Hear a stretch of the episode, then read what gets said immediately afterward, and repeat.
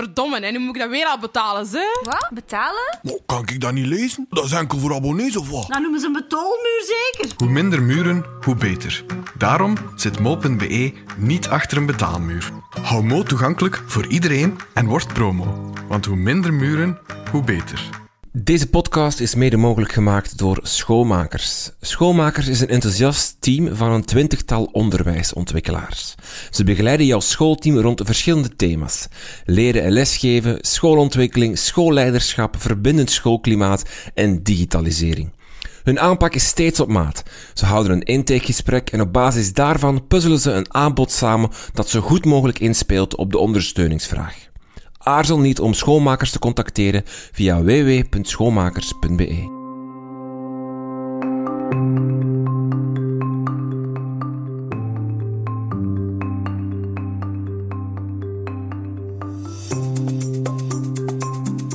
Welkom bij Buiten de Krijtlijnen. Mijn naam is Renke van Hoek en dit is uw podcast over onderwijs.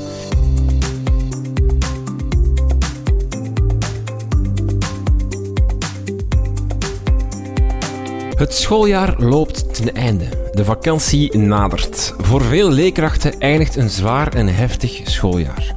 Zeker ook voor zij die voor het eerst een volledig schooljaar voor de klas stonden. Wij praten met Xander de Vos. Xander is 22 en komt vers van de lerarenopleiding. Hij kon in september direct fulltime beginnen in het Groendaal College te Merksem. Daar geeft hij Engels en mens en samenleving in het eerste en tweede middelbaar. We praten met hem over zijn eerste jaar voor de klas. Hoe heeft hij het aangepakt? Wat vond hij moeilijk en wat ging er juist heel goed?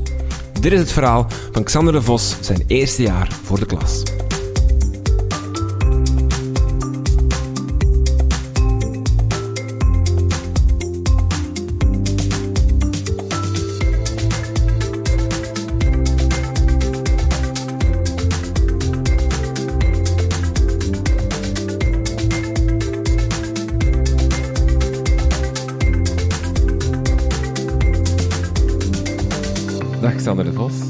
Dag, hallo. Ehm, ja, het, het loopt ten einde, jouw eerste volledige jaar voor de klas, hè, als echte, echte leerkracht.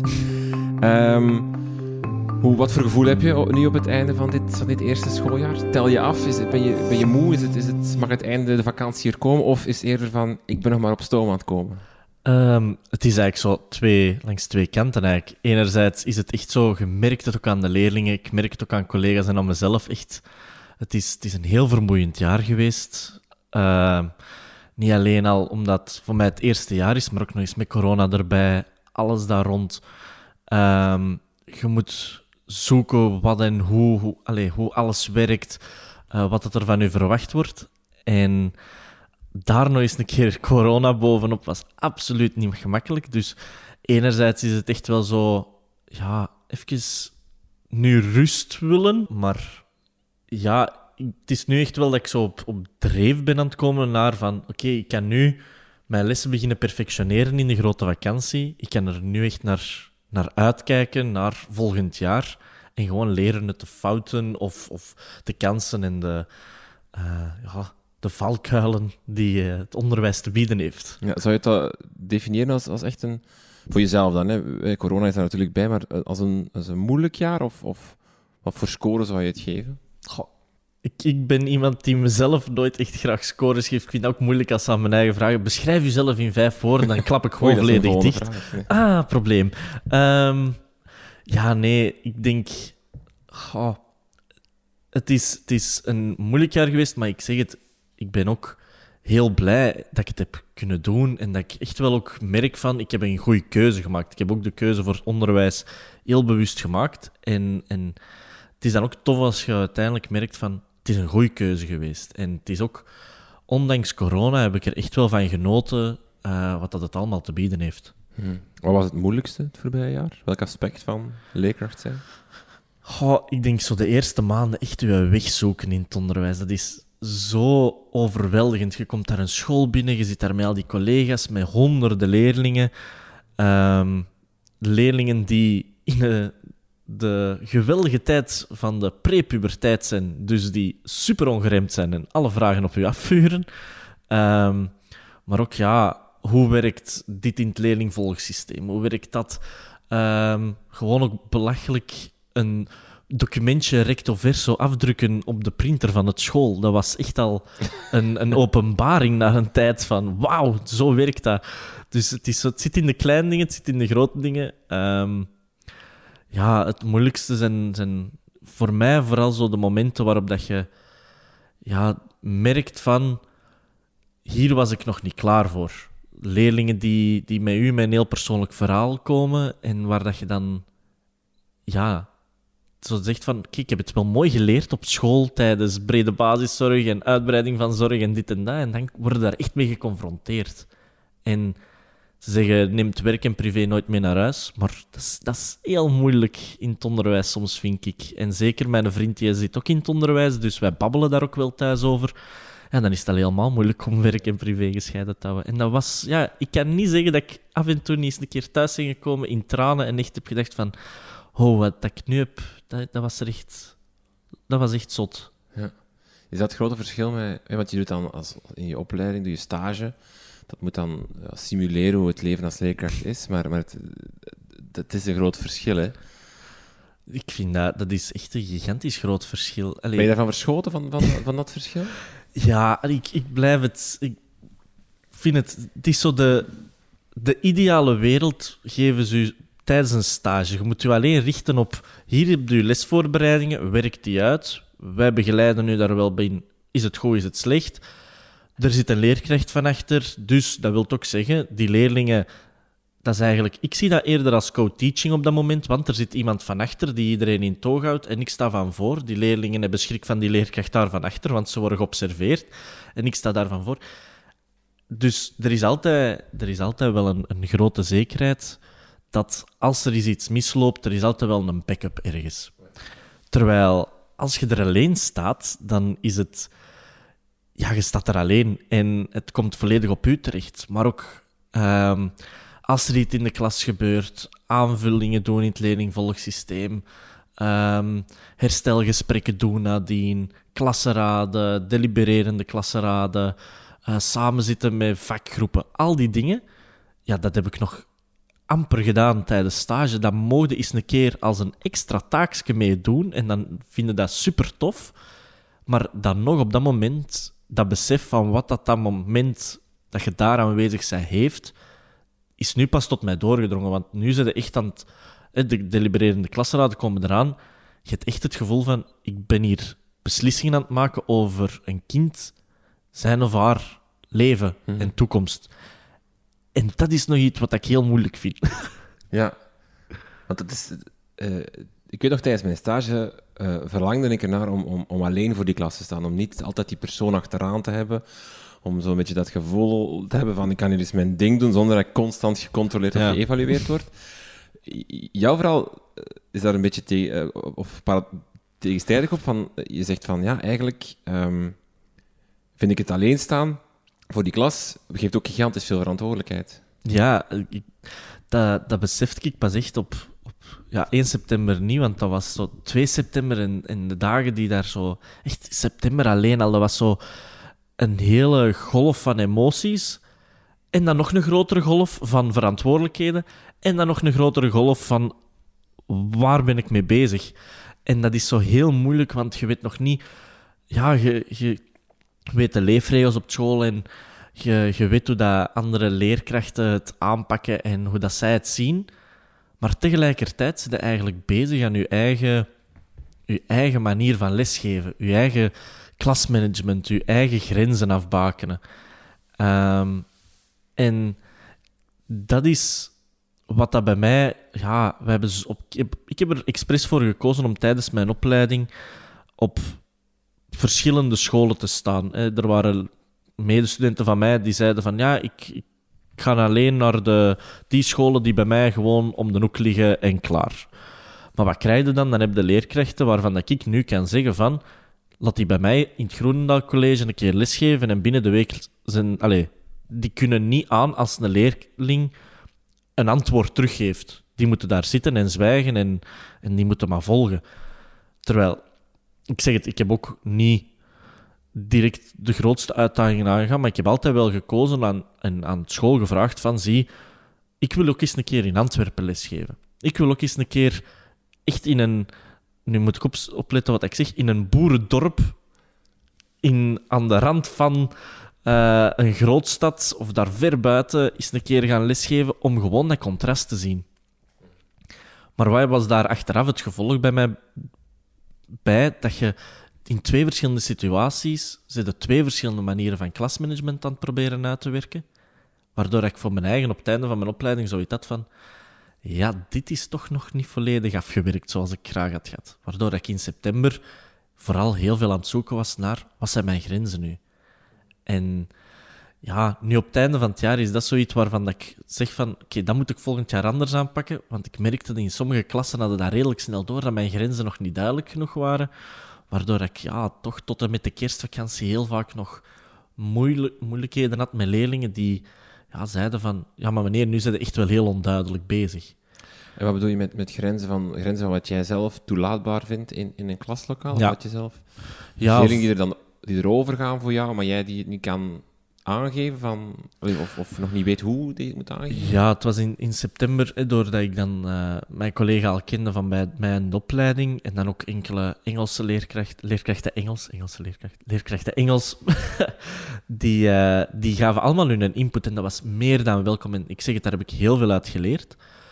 Maar het verschil tussen elke leerkracht, hoe dat zij voor een klas staan, was, is, is echt groot als je dat gaat beginnen vergelijken, vind ik. Met als gevolg dat, dat ik zoiets had van, maar is mijn manier van lesgeven dan wel wat dat ze van mij gaan verwachten, is dat wel goed genoeg? Want ik geef het helemaal anders. En dat heeft ervoor gezorgd dat ik heel lang, ja, in september tot halverwege oktober, heel vaak zo, ja, en ik geef dat eerlijk toe, heb geëxperimenteerd op momenten met van, oké, als ik nu hier mijn grens leg, maar niet beseffende van, dit zorgt voor zoveel onduidelijkheid voor de leerlingen, omdat ze zoiets hebben, ja, maar meneer De Vos was vandaag super streng, en in een andere klas zeggen ze van, amai, was die streng? Ik heb echt, we hebben grappen zitten maken en dit en dat. Dus dat was zo moeilijk, en dan was er de herfstvakantie, en dat heeft voor mij ervoor gezorgd dat ik echt zo eens alles op een rijtje heb gezet van, oké, waar ligt mijn grens op basis van wat dat leerlingen kunnen doen tijdens de les van commentaar en opmerkingen geven en ehm, van ja, wanneer, wanneer is, een, is een grap erover? Want ik ben iemand die met heel veel humor voor de klas staat, omdat ik vind, anders valt de helft soms in slaap tijdens bepaalde onderwerp. Maakt maar eens een keer de present perfect simpel kei interessant. Ehm, dus dat is al super moeilijk op zich. Dus ik sta daar met humor, maar hoe ver kan ik zelf daarin gaan? Wat zijn de verwachtingen van mijn leerlingen daarin? Vanaf wanneer is het erover? Ehm, dus ja, dat heeft voor onduidelijkheid gezorgd. Maar na de herfstvakantie vind ik wel...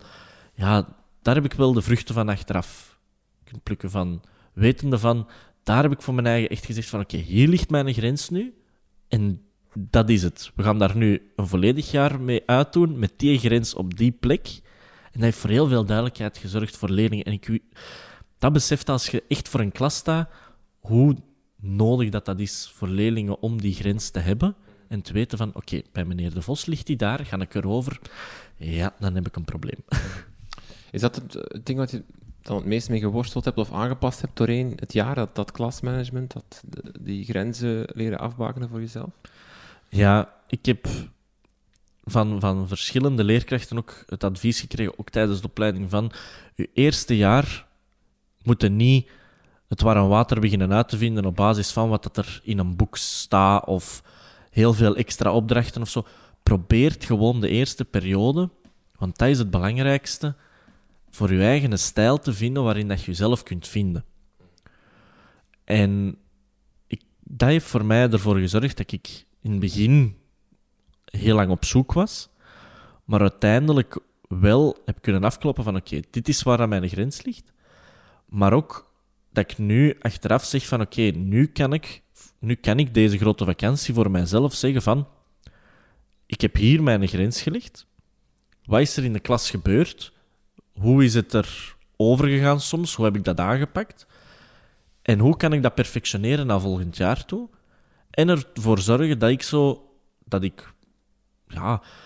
Al eens creatiever uit de hoek kan komen op, op lesonderwerpen, omdat ik weet van, oké, dan kan ik beter mijn grens afbakenen als het in groepswerk of als het in... ehm, als het tijdens peer evaluation, wanneer ze hun eigen aan het beoordelen zijn, dat ze, ja, dat ze er een grapje van aan het maken zijn. Hoe ga ik daarmee om? En ja, dat was voor mij zo belangrijk. En daar ben ik ergens ook wel heel tevreden mee dat ik dat heb gedaan. Tijd. Dat is ook iets wat je heel vaak hoort. Ik, in de stage vooral werd me dat op voorhand zo echt ingepeperd van ja, in de stage zo druk en dan tot, tot- in de nacht nog lesvoorbereidingen, lesvoorbereidingen maken. Eh, en dan pas op, maar als je echt begint aan het leren, dan ga je echt geen tijd meer hebben. Je gaat je kapot werken. Hoe is dat voor jou gegaan in je eerste jaar? Ik heb mij meer stress... Allee, de leraaropleiding heeft mij meer stress gegeven dan echt lesgeven. Dat is, dat is echt super raar, want mijn vriend is tegenovergestelde. Die had tijdens de leraaropleiding had die het super relaxed en dat ging allemaal vanzelf en heel vlot.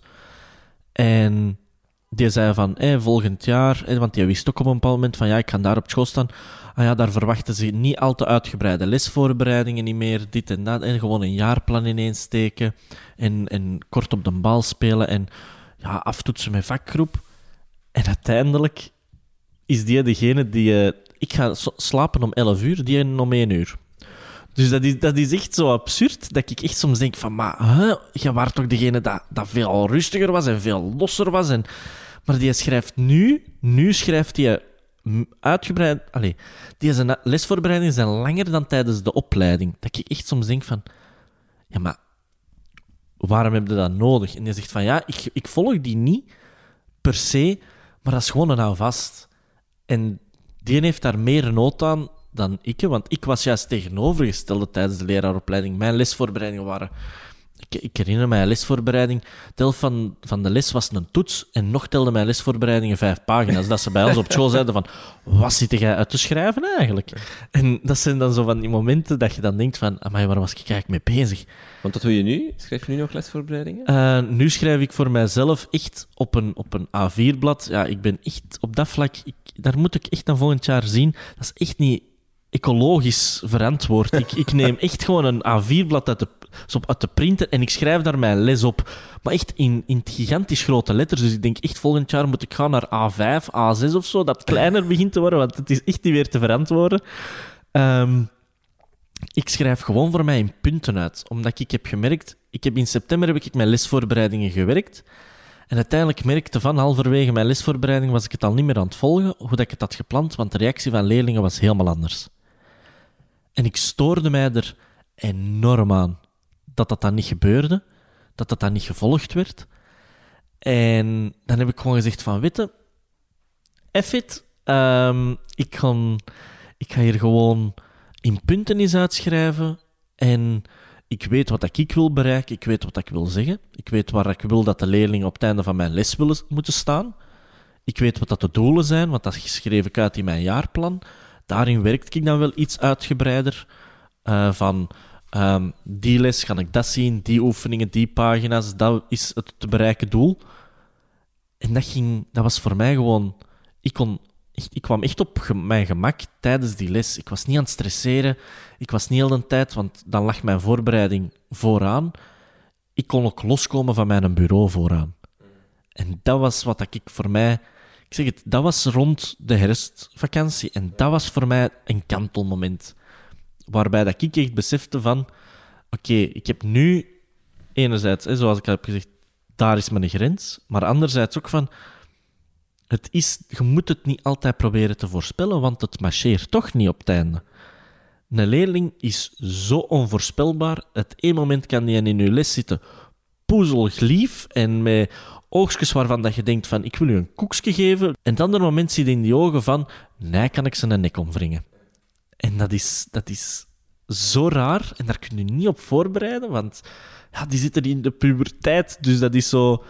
Ja, emoties, volop, alle kanten uit.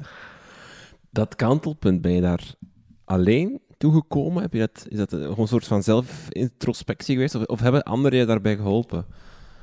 Ehm, dat is wel interessant dat je eigenlijk eh, een week gepakt hebt, echt, bij wijze van spreken, om even te kijken, oké, het loopt hier niet, het loopt er mis. En uiteindelijk toch echt wel concrete dingen hebt uitgehaald. Hè? Lesvoorbereiding overboord, gewoon nog dat A4'tje, eh, grenzen duidelijk afma- afbaken en dit is het. Zo, wel dingen. Ja, ik denk gewoon in die periode ook ehm, was het echt super absurd eigenlijk. Maar het was ook de verkiezingen in Amerika, dus dat stond ook heel de tijd op. Dus ik had dat ook altijd opgezet. Ik vond dat ook tof.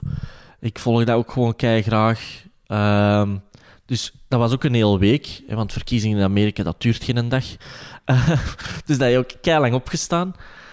En echt gewoon blijven werken. En soms had ik dat ook niet door, maar ook heel vaak gewoon voor mezelf. En dingen blijven opschrijven tijdens die week van, oké, wat is er nu de afgelopen maand gegaan hoe dat ik het had gewillen dat het ging? En hoe niet? En uiteindelijk was die lijst van de negatieve kant veel langer. En dan op dat moment ook samen, hè, dat is dan denk, vind ik ergens het voordeel dat mijn, dat mijn vriend ook in het onderwijs staat. Je kunt gaan beginnen vergelijken. Je kunt ideeën uitwisselen, je kunt, ehm kunt al eens botsen op bepaalde dingen. En dat was voor mij ergens van: oké, hoe, pak jij, hoe pak het aan? En dat die ook zei van: ja, ik pak het zo aan. Die collega bij mij pakt het zo aan. Uw collega's pakken het zo aan. Waarom richt jij je daar eigenlijk nog op? En dat was zo bij mij een moment van: ja, eigenlijk. Ik, ik ben mij zo hard aan het spiegelen aan collega's die al twintig jaar anciëniteit hebben. Ik sta hier één jaar. Je gaat mij niet zeggen dat die in het begin van hun opleiding, allee, toen dat die twintig jaar geleden in het begin van hun leerkracht zijn, dat die het ook wisten. Dus dat, dat was voor mij zo echt van: oké, volledige nieuwe aanpak. We gaan het eens iets losser naar mezelf, naar, naar lesvoorbereiding, maar strikter naar afbakening van waar zijn mijn grenzen. En ja, gewoon die switch te doen, ook naar voorbereidingen, naar wat ik, wat ik wou. Ja, dat was echt veel beter. Maar zeg je nu dat je eigenlijk in het begin een beetje te veel gefocust was op hoe je collega's het deden Ja. en minder naar wie jij bent als, als leerkracht en dat je een beetje daaraan hebt toe- toegegeven in, na die herfstvakantie van ik ga gewoon meer naar hoe ik ben, wat ik zelf nodig heb. eh, Ja. meer je- jezelf gevonden als leerkracht dan? Ja, het is, dat is zo overweldigend op een, nieuwe eh, op een school komen, zeker als je net bent afgestudeerd. En je komt daar dan aan en ineens beseft je ook van... Oké, hier staan nu 40, 50 leerkrachten meer. Allemaal met jaren ervaring. En dat was overweldigend, maar ook in de zin van... Je denkt van, oké, die staan hier op die school al zoveel jaar die moeten vol met wijsheden zitten. Maar het probleem is, de ene heeft wijsheid A en de andere heeft wijsheid Z. En de andere heeft wijsheid Z tot de vijfde. Dus er is gewoon geen enkele overlapping bij sommigen, dat je echt uiteindelijk in de leraarskamer werd ook gewoon duidelijk gezegd van... Ja, die collega, waar had die zijn grenzen staan ten opzichte van mijn grenzen? En dat was voor mij ook zo... Ja, het begin van beseffen van... Oké, maar iedereen heeft hier een andere aanpak. Waarom moet ik mij dan spiegelen? Ja, dat was zo zelf opgelegde druk. Dat is prachtig. Wat voor leerkracht ben je? Oh, amai. Zie, ik heb, Mag ik je heb, meer dan vijf woorden zijn? zie, ik heb het gezegd, hè, daar ben ik zo slecht in, in, in mezelf. te Humor heb ik al gehoord. Ja, echt. Ah, humor. En de leerlingen vinden dat ook gewoon tof. Maar daar verlies je je dan soms in, hè? Eh, dat was... dat ken ik wel, hoor. Eh, Dat was in het begin echt vooral. Ehm, nu kan ik dat echt door ook te weten bij de leerlingen van bij wie kan ik tot waar gaan. Je hebt klassen die, die, die dat echt nodig hebben om het soms wat te relativeren of het is met een grappige insteek te bekijken. Allee, ik werk ook soms met memes tijdens Engels, dat is prachtig. Je hebt echt duizenden memes. En ik maak er dan ook zelf, waar dat dan indirect de leerstof in zit, verwerkt. En dan zien je dat op een heel andere manier. Terwijl dat die dat ook grappig vinden. En dan krijg je dan een toets en daar staat dan bij de helft van de klas staat dan die zin dat bij die meme stond, geschreven. Dus ze snappen het wel, ze begrijpen het. Ja, ook gewoon, ik ben heel open. In de zin van, ik denk in week 1 wisten alle leerlingen van, hallo, ik ben meneer De Vos, er zit hier een ring rond mijn vinger, dus ik ben verloofd momenteel met mijn vriend. Ik ben daar trots op, ik ben daar open over. Heb je er vragen over? Stel ze gewoon. Ik ga nu niet buiten sturen als, als je een bepaald woord in de mond neemt, wat dat voor u 9 kan 10 iets volledig nieuws is waar je ofwel nog niet aan hebt gedacht, niet mee in contact bent gekomen, nog superveel vragen over hebt. En dat heeft ervoor gezorgd, denk ik, doordat ik daar vanaf moment één zo open over was en ook gewoon mee lachte, omdat ze op een bepaald moment door hadden van oké, maar meneer De Vos zit hier met dit te lachen, met mijn vraag. Dus ja, dat was dan een vraag van ja meneer, is het dan niet raar dat twee mannen samen zijn en dit en in het onderwijs? En dan was ik zo van ja, is het ook niet raar dat ik dit hemd heb gekozen dat nu volledig flashy roze is, terwijl dat het modeadvies is dat flashy roze niet meer in de mode is? En dan was het zo van... Ja, maar meneer, nu zitten mij gewoon in de war aan het brengen. Ik zeg, welkom in de wereld. De wereld, daar brengen we elkaar allemaal in de war. En dan, door er met een andere manier mee, mee om te gaan, in plaats van direct te zeggen van, ja, nee, uw vraag ga ik niet beantwoorden, stel een juiste vraag, of nee, laat het. Ja, dat heeft ervoor gezegd dat ik in een week gewoon dat onderwerp achter mij heb kunnen laten. En dat ze ook gewoon aan mij vragen... Allee, er is één klas die, die ja, ook mijn humor snapt is en ook gewoon echt hilarisch vind ik die. Die ook gewoon aan mij vragen op vrijdag. En meneer, wat zijn de plannen? Gaat u met uw vriend iets doen? Zeg ik van ja, hè, zaterdag date night, kei tof. En dan kreeg ik op een bepaald moment een mailtje van twee leerlingen op uh, zaterdagavond 8 uur. Beste meneer, veel plezier op uw date night. Ik hoop dat u goed kan uitslapen, want maandag staan we er weer. En dan was ik echt zoiets van: oké, dit is echt wel grappig enerzijds. Twee, ik vind het geen enkel probleem dat ze dat nu zeggen. Maar dan beseft ook langs de andere kant, er zijn collega's die voor hun dat ver over de grens vinden naar hoe open dat ze zijn.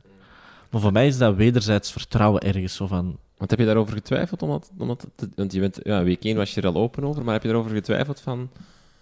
Ga ik dit vertellen? Ga ik...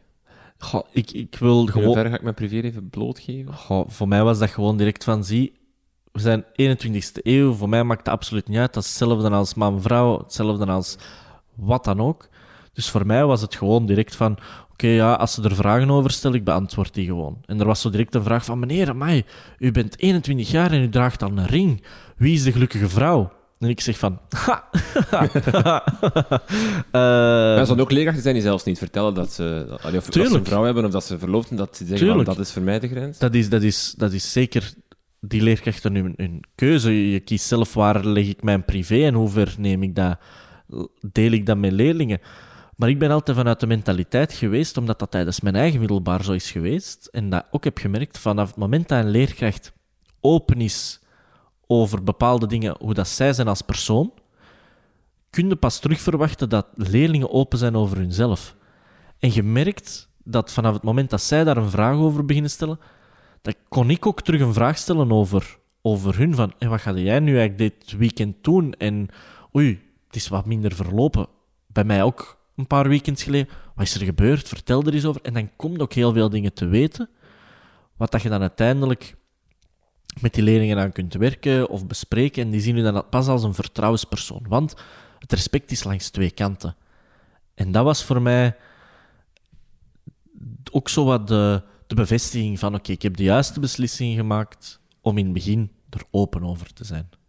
Zat er ook een, een activistisch motief achter? Het feit dat Um, ehm, LGBTQ nog altijd, zeker in de leeftijd die jij lesgeeft, eh, dat daar vaak nog, nog uh, stereotypen rond zijn, uh, um, nog niet alles besef rond is bij die, bij die jonge gasten. Om, van het feit van als jij daar open over vertelt, dat daar misschien minder vooroordelen over zijn, minder kortzichtig over gedacht wordt? Goh, activistisch denk ik nu eerder niet. Eigenlijk gewoon eerder vanuit... Goh, moest het activistisch zijn, verbeteren me, maar gewoon denken van, het is 21ste eeuw, ik geef hier mensen een samenleving ook nog eens waarin dat de leerplannen duidelijk in de eindtermen zijn van, zie, er zijn verschillende familiegezinsvormen die er momenteel bestaan. Um, als ze een vraag stellen, dan beantwoord ik die wel gewoon. Maakt mij absoluut allemaal niet uit. Ik ben ook nog altijd zo een van die leerkrachten dat vindt van neutraliteit. Ik ben iemand die, die heel neutraal is als leerlingen nu. Recent nog heel de, het conflict tussen Israël en Palestina. Dat, was, dat leefde zo hard bij ons op school. En je ziet dat die leerlingen daarop op echt het heel moeilijk mee hebben soms met momenten. En dan kijken ze naar u als leerkracht van, ja, maar meneer, wie steunt u en voor wie bent u? Dan zeg ik van, zie mannen, er zijn daar twee kanten aan het vechten tegen elkaar. Zoek die zelf voor je eigen uit. Wat doet de ene kant, wat doet de andere kant? En denk daar eens kritisch over na. Ik ga niet als leerkracht, terwijl ik ook een rolmodel ben voor sommige leerlingen, waar dat ze naar opkijken, waar ze zich aan gaan spiegelen, een mening geven, wat dat uiteindelijk zij eventueel gaan zeggen van ja, maar meneer De Vos heeft dat gezegd, dus dat wil ook zeggen dat dat beter is dan het andere. Dus ik ben daar, daar probeer ik echt wel enorm mee op te passen. Dus ook rond, rond ehm, LGBTQ ben ik daar gewoon open over. Zeg ik van, oké, zie, eh, ik ben met een man en ik ga volgend jaar trouwen. Eh, en we gaan een huis, we hebben een huis gekocht en kei tof. En wij gaan samenwonen en oh, wij willen kinderen hebben. Maar ja, dat duurt nog tien jaar, dus ik ben blij dat ik hier jullie heb als mijn kinderen. maar eigenlijk ook niet, dus ik ga jullie nu naar het secretariaat sturen, want ik ben kinderen momenteel beu. En dan, zo, dan lachen die daar ook gewoon mee. Maar ja, het is eerder van daarin open zijn, maar tegelijkertijd ook gewoon ja, daar niet al te veel belang aan Ja, ja, hechten, ja, denk ik. Ja, ja, ja. Ehm, je, je zei al dat het ook wel momenten emotioneel zwaar was. Hè? Dat, je, dat het, niet, dat het was, hè? eh, soms zwaar was. Heb je aan, aan opgeven gedacht? Heb je aan, aan stoppen gedacht doorheen jouw eerste jaar? Ehm, ik denk dat dat iets is waar dat bijna elke beginnende leerkracht op een bepaald moment wel eens een keer aan heeft gedacht. Als er zo'n leerkracht is die op een bepaald moment bij de directie zit en de directie vraagt heeft u ooit gedacht aan opgeven? En het antwoord is dan nee, dan moet als directie weten van ja, die denkt daar elke dag aan bijna. Allee, ik heb, eerlijk waar, ik heb daar... Er zijn echt momenten geweest dat ik thuis kwam, dat ik echt dacht van... Hier ben ik nu zo zwaar op een muur gebotst. Ehm, bij leerlingen, bij, bij wat dat het, het schoolse mij kan bieden, dat ik, dat ik echt zoiets had van, ja, weet je, laat het, het is goed, het hoeft niet meer. Maar vaak speelt er op dat moment vermoeidheid ook echt gewoon mee. Dat je echt zoiets, je bent doodop, je zit daar dan het beste van jezelf te geven en soms botst je zo hard op een muur dat je echt denkt van, zeg, is deze het nu waard? En ja, dat is... Ik, ik kom daar ook gewoon eerlijk vooruit. Ik zeg dat ook gewoon van, ja, ik heb aan opgeven gedacht. Heb ik dat uiteindelijk ook omgezet in daden? Nee. Ben ik daar beter uit gekomen? Ja, want dan begin je te beseffen van, wat heeft mij op dit punt gebracht? En dan is het belangrijk om daar lessen uit te trekken. Eén op de vijf starters in sectoronderwijs stopt binnen de vijf jaar. En dat zijn altijd stevige cijfers. Begrijp je dat cijfer nu beter na jouw eerste jaar? verschiet ervan dat dat niet hoger ligt, Ja. om eerlijk te zijn. Dat is, allee, als ik zie naar collega-starters, vrienden van bij mij in de opleiding, ik kan er vijf opnoemen die zijn gestopt in het onderwijs. Niet alleen omdat ze ehm, het schoolse zwaar was, maar soms ook gewoon omdat die van interim naar interim naar interim gingen. Ik heb zoveel geluk gehad dat ik direct fulltime ben kunnen beginnen. Van september tot nu juni.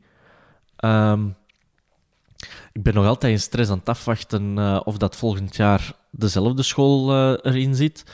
Dus ehm, dit is een oproep aan de directie van Groenendaal College voor een verlenging van het contract. Eh, maar ja, ik, ik, er zijn echt vrienden van mij die, die, ja, die stonden dan deeltijds in twee scholen Ja. met een afstand van 20 kilometer tussen. Dat was pendelen, dat was, dat was slopend en gezaagd, die echt gewoon... Ja, aftakelen is, is echt gewoon een manier om het te omschrijven. Doet daar dan nog eens corona bovenop, doet daar dan nog eens alles dat daar rond zit. Sommigen, stelt dat die nu met ons op café hadden kunnen gaan en, en buiten hadden kunnen komen en, en is hier een vakantie gehad of een weekendje, dan had dat misschien... Ja, dan had dat misschien op een heel andere manier geweest. Maar nu zagen die echt gewoon aftakelen. Dat wij gewoon hebben moeten zeggen van... Is dit het eigenlijk wat dat je nu wilt doen met heel je leven? Wil jij nu pendelen, die onzekerheid hebben? En dat was ook iemand, het voorbeeld dat ik nu aanhaal, was iemand die, die heel graag onder de kerktoren, om het zo te zeggen, wou lesgeven. Maar wij zeiden ook gewoon van, ja, sorry, op uw school, je zegt het zelf, zitten zoveel vastbenoemden. En op die andere school ook. Wat is de kans? Dan moet al één daarvan ofwel stoppen of op pensioen gaan. Als je daar wilt gaan werken, ik weet niet of dat dan dat de, de weg om op te gaan is, om het zo te zeggen. Ehm, zijn, zijn er... ehm, ja, want je, je je sprak er net al even algemeen over, het feit dat eh, starters het niet gemakkelijk hebben. Veel starters stoppen ook. Waar zie jij kansen, als we het dan even een beetje macroniveau bekijken, het, het onderwijssysteem op zich, het feit met die vaste benoemingen, eh, een, een job zoeken binnen onderwijs. Waar zie jij kansen waar beslissingen kunnen genomen worden om het voor starters...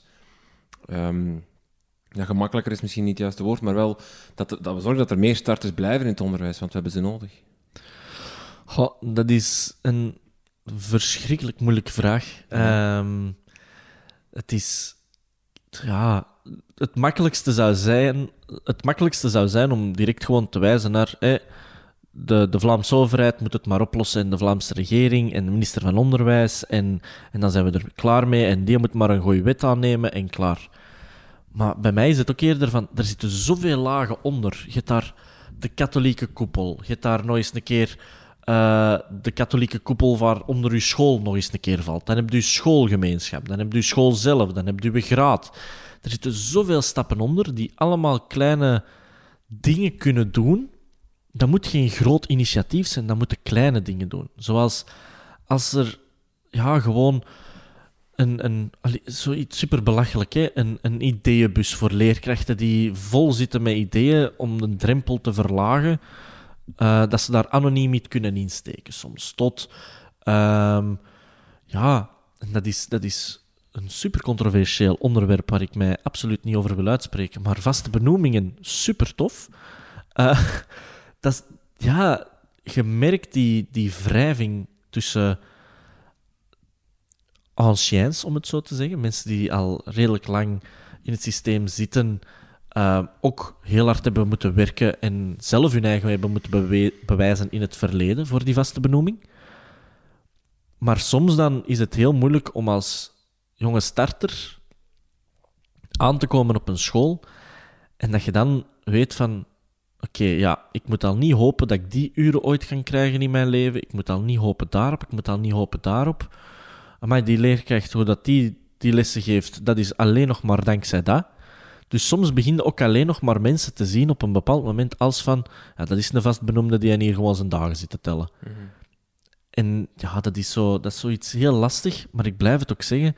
Vandaag, allee, gisteren nog een heel gesprek over dat, dat er een leerkracht was en die zei van, zie, vroeger bij mij was het ook niet na, na twee, drie, vier jaar dat ik al een vaste benoeming had. Bij mij was het nog langer en ik heb mij langer moeten bewijzen en ik heb, nog, ik heb meer daarvoor moeten doen en ik heb ook heel lang moeten pendelen en je moet je uren opbouwen. Dus dat verhaal heeft twee kanten. Hè? Dus Maar vind je het op zich juist dat, er, dat het wel zoiets is van... Je moet je als jonge starter bewijzen, je moet de, de uren pakken die nog over zijn, je moet soms inderdaad een job aannemen daar en daar en dan dat pendelen doen. Je bent, je bent jong, je moet je bewijzen en dan zal er na verloop van tijd wel die vaste benoeming komen. Is dat een juiste dynamiek? Of... ik vind dat, ik vind dat gewoon heel erg als je kijkt. Er is geen enkele, in mijn mening, er is amper een. eh, als je ergens anders in de privé begint of ergens anders binnen de ambtenarij begint op een job, dan weet je op voorhand van als je nu start, dan heb je een fulltime en als je hier start met een fulltime, dan blijf je die doen. Als je hier start met een deeltijdse, dat kan oplopen naar een fulltime eh, of het is maar een vervangopdracht. In het onderwijs is dat altijd zo'n gepuzzel met al die uren, met al die vakken dat komen kijken, met ehm, scholen die ja, te weinig leerlingen hebben, waardoor dat er uren verdwijnen of waardoor dat er uren moeten bijkomen. Dit, dat, die puzzel is zo moeilijk om te leggen. Dus echt, ik kan mij niet inbeelden de stress dat bij directie en bij de mensen die dat doen, wat dat daar allemaal bij komt kijken. Maar dat zorgt er ook wel heel voor heel veel onduidelijkheid. En hoe groter uw school, denk ik dan ook, hoe groter uw onduidelijkheid. Want mijn vriend, echt, ja, dat, is- dat is dan een graadschool, hoort bij een groter net. Dus die zijn afhankelijk, om het zo te zeggen, van elkaar met uurroosters. Die eh, weet eigenlijk al een maand de uren dat hem gaat geven. En zelfs als een lesrooster weet een volgende week. Oké. Dus dat is, die zijn daar super vroeg mee. Dat is, dat is absurd. Ja. Maar dat zorgt er wel voor dat die nu kan zeggen van... Ik ben wel zeker van mijn job. Ik weet dat ik hier volgend jaar met een voltijdse 22 uur in het eerste middelbaar en tweede middelbaar terug opnieuw mag staan. En dat is confronterend soms. Want die onzekerheid heb jij wel nog, hè? Ja, dat is... ah, Ja, Wat, wat voor zeker... Want je zei, je weet nog niet op welke school je zal staan, maar je weet wel, je weet wel dat je een job hebt volgend jaar? Of, of, Ik weet, allee, ik, ik weet het zelf niet. Ik hoop het echt wel. Ik heb, ik heb heel veel collega's die zeggen van ja, ik wil volgend jaar heel graag met u verder en samenwerken en we gaan deze vakantie een bundel herschrijven en dit en dat. En dan heb ik toch zoiets van, ja, maar zie, ik krijg hier wel eind juni mijn C4. Ik zit dan twee maanden in het ongewisse van, mag ik nu eigenlijk wel terugkomen? Want met 100% zekerheid kunnen ze het u nooit geven. En dat zorgt voor zoveel stress, zeker als je ja, financiële verplichtingen Ja, hebt. tuurlijk, ja, ja. En dat is, dat is zo slopend. Ehm, ook, en naar mijn mening, de belachelijke dat ooit heeft uitgevonden, dat je in juli 80% krijgt en in augustus 120%. Want ja, echt waar, ik heb op september 120% van mijn loon nodig.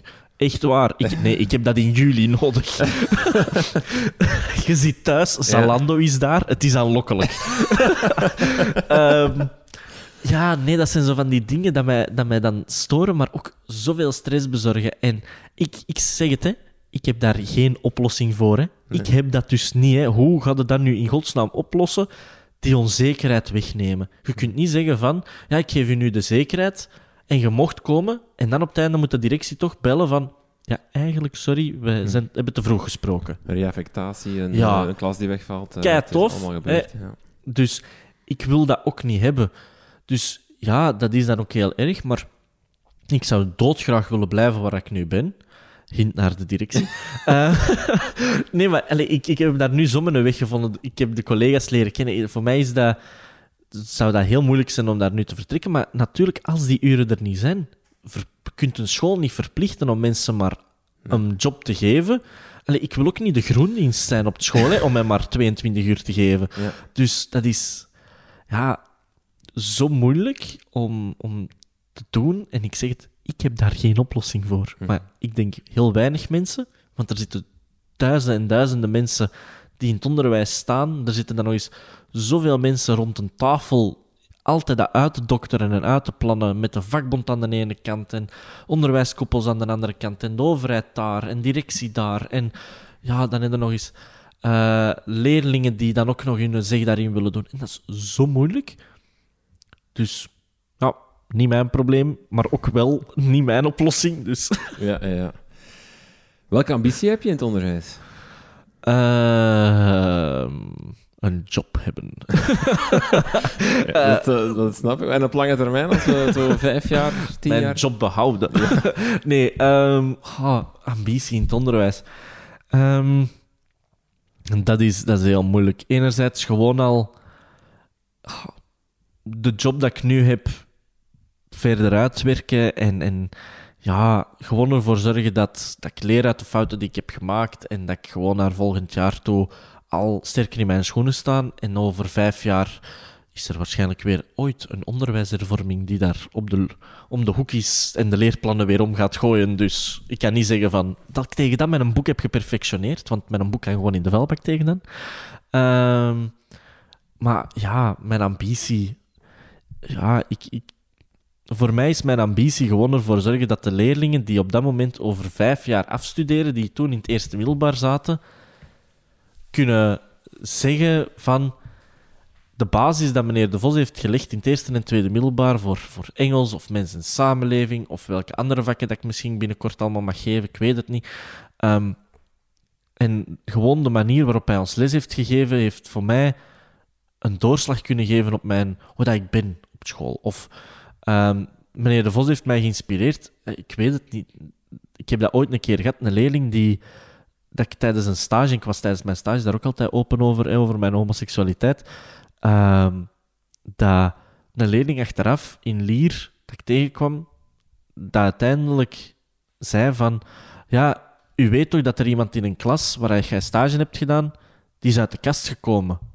En die zei van, ah ja, dat is meneer De Vos hè, van toen, van de stage, dat was toen tijdens een langere stage, ja, die stond daar zo en die trok zich daar niet aan en dat was helemaal niet erg en niemand hechtte daar belang aan. En dan hoop ik ergens van dat ik ergens leerlingen kan inspireren om open over hunzelf te zijn. Niet in die zin dat het alleen maar rond geaardheid is, maar ook gewoon rond eigen identiteit, rond zeggen tegen die ene vriendengroep van ja, Gulle vindt eh, Niels de Stadsbader leuk, maar ik vind daar absoluut niks aan. Ehm, zo, alleen gewoon eerlijk durven zijn, open durven zijn over hunzelf en, en hun mening durven geven. Ehm, ja, als ik dat al kan bereiken over vijf jaar, al is het maar één leerling dat ik erbij heb kunnen motiveren of heb, of heb kunnen inspireren, is voor mij al voldoende. En ik zie dan nu al dat sommige leerlingen zeggen van... Ja, maar meneer, volgend jaar hebben wij u wel terug. En, want ja, allez, ik voel me echt wel op mijn gemak bij u. En mijn punten zijn ook beter. En het gaat ook goed. En ik voel mij hier ook beter op school. En dat zorgt voor mij ook gewoon dat die bevestiging van... Ik heb drie jaar geleden, nu vier jaar geleden, de juiste keuze gemaakt voor de leraaropleiding, is zo doorslaggevend. Xander de Vos, dankjewel voor dit gesprek. Graag gedaan.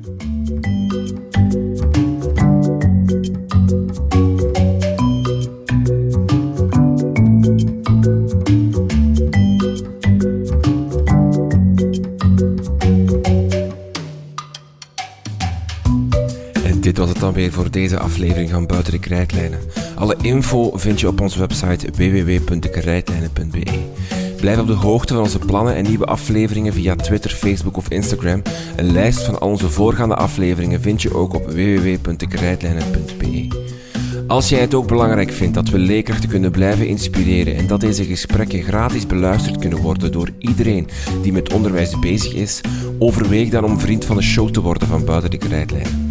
Dat kan via onze website, daar kan je een donatie doen. Dat kan een eenmalige donatie zijn of ook op maandelijkse basis. Dan doneer je 2,5 euro per maand. Surf dus naar www.dekrijtlijnen.be. Haal even die bankkaart boven en steun ons. Je krijgt dan ook toegang tot onze exclusieve Facebookgroep met de andere co-teachers. Daar bespreken we de afleveringen en kan je suggesties en feedback geven. Dank voor het luisteren en tot de volgende.